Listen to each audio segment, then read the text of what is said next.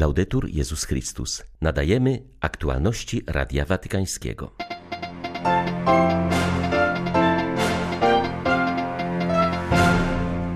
Rozpoczyna się ostatni etap papieskiej pielgrzymki. Franciszek uda się do miejscowości Iqaluit, leżącej niedaleko koła podbiegunowego, gdzie spotka się ze społecznością Inuitów, również dotkniętą systemem szkół rezydencjalnych.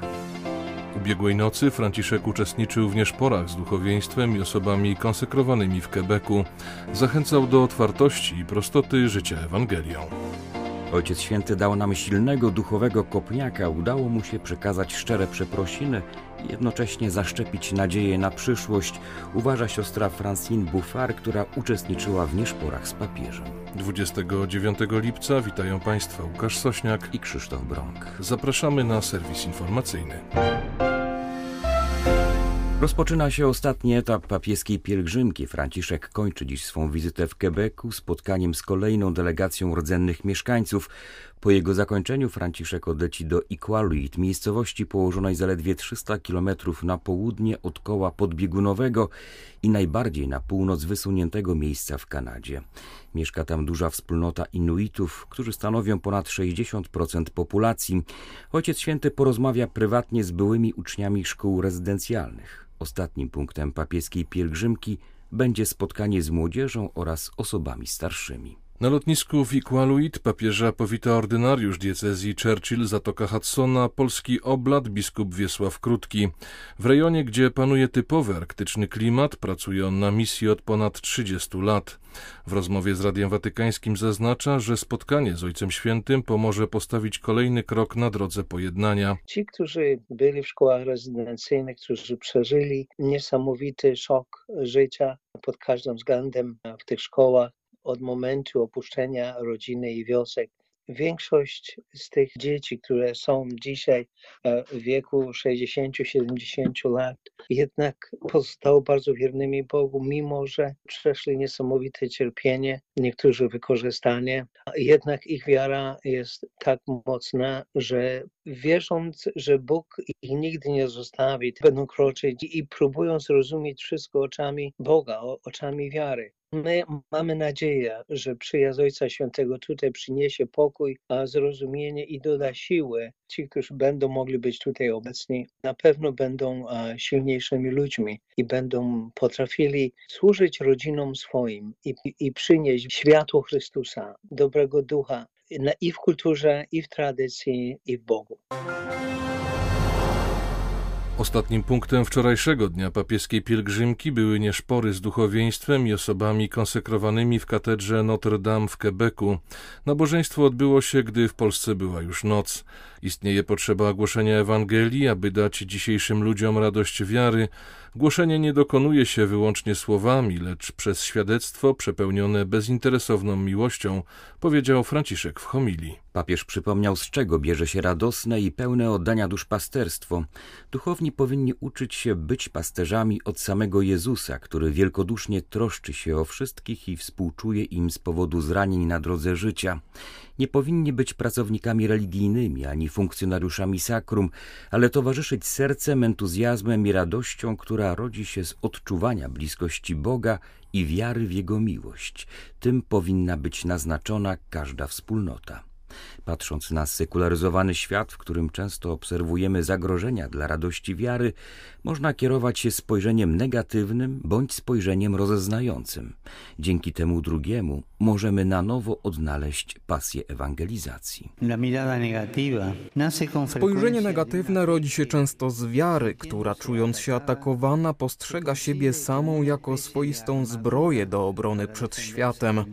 Gorzko oskarża rzeczywistość, mówiąc: Świat jest zły, króluje grzech. I grozi jej w ten sposób przyobleczenie się w ducha krucjaty. Strzeżmy się tego, bo to nie jest chrześcijańskie. To nie jest sposób działania Boga, który tak umiłował świat, że syna swego jednorodzonego dał, aby każdy, kto w niego wierzy, nie zginął, ale miał życie wieczne. Pan, który brzydzi się światowością, z dobrocią spogląda na świat.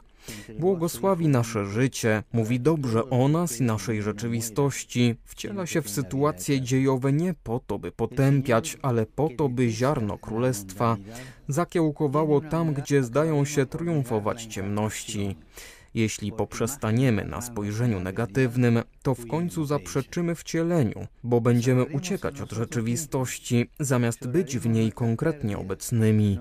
Zamkniemy się w sobie, będziemy opłakiwać nasze straty, ciągle narzekać i popadać w smutek i pesymizm, które nigdy nie pochodzą od Boga. Jesteśmy natomiast powołani do tego, by mieć spojrzenie podobne do spojrzenia Boga, który potrafi rozróżniać dobro i nieustępliwie go szuka, dostrzega i pielęgnuje. Nie jest to spojrzenie naiwne, lecz spojrzenie rozeznające rzeczywistość. Ojciec Święty zachęcił do zmiany stylu życia na bardziej ewangeliczny, zdolny rozpalić pragnienie Pana, zaszczepić nadzieję, przekazać zaufanie i wiarygodność. Przed tymi, którzy świadczą, stoją trzy wyzwania. Obok adekwatnego w formie przepowiadania, dostosowanego do tych, którzy nie przyjęli dotąd Jezusa, oraz prawdziwego braterstwa, potrzebne jest wiarygodne postępowanie Kościoła.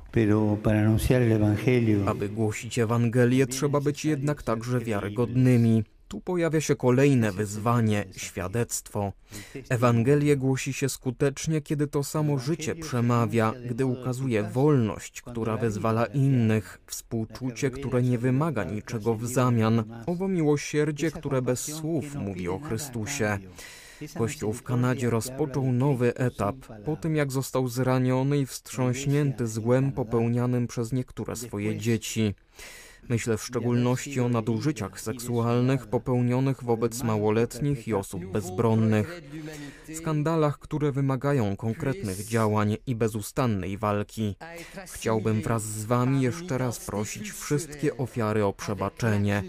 Ból i wstyd, które odczuwamy, muszą stać się okazją do nawrócenia, nigdy więcej.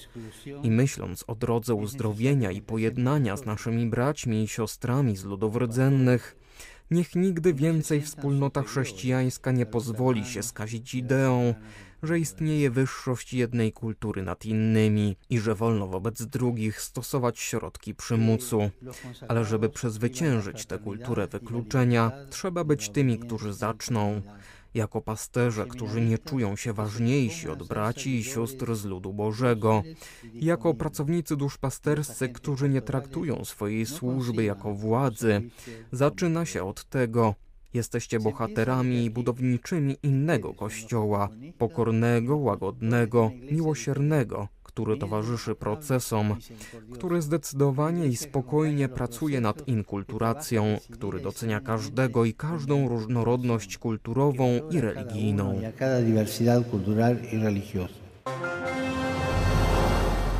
Papież wiele mówi o duszpasterstwie spotkania. Te dni jego wizyty w Kanadzie pozwoliły nam zobaczyć w praktyce, na czym ono polega. Wskazuje na to rektor katedry w Quebecu, gdzie Franciszek spotkał się z kanadyjskim duchowieństwem na nieszporach. Ksiądz Michel Rodrigue zauważa, że optymizm i radość Ojca Świętego dla wielu stały się antidotum na zakorzeniony w kanadyjskim kościele pesymizm. Spotkanie z Franciszkiem stało się dla nas okazją do podjęcia refleksji nad zmianami zachodzącymi w społeczeństwie.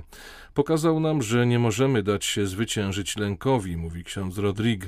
Wskazuje też na trzy priorytety, jakie papież zostawił kanadyjskim duszpasterzom: głoszenie Chrystusa tym, którzy go nie znają, świadectwo życia i postawa braterstwa. W obliczu wyzwań sekularyzowanego świata papież zostawił nam jasny plan duszpasterski, który jest wezwaniem do prawdziwej ewangelizacji. Takie zaangażowanie przyniesie radość i pozwoli zostawić smutek, który nie pochodzi od Boga.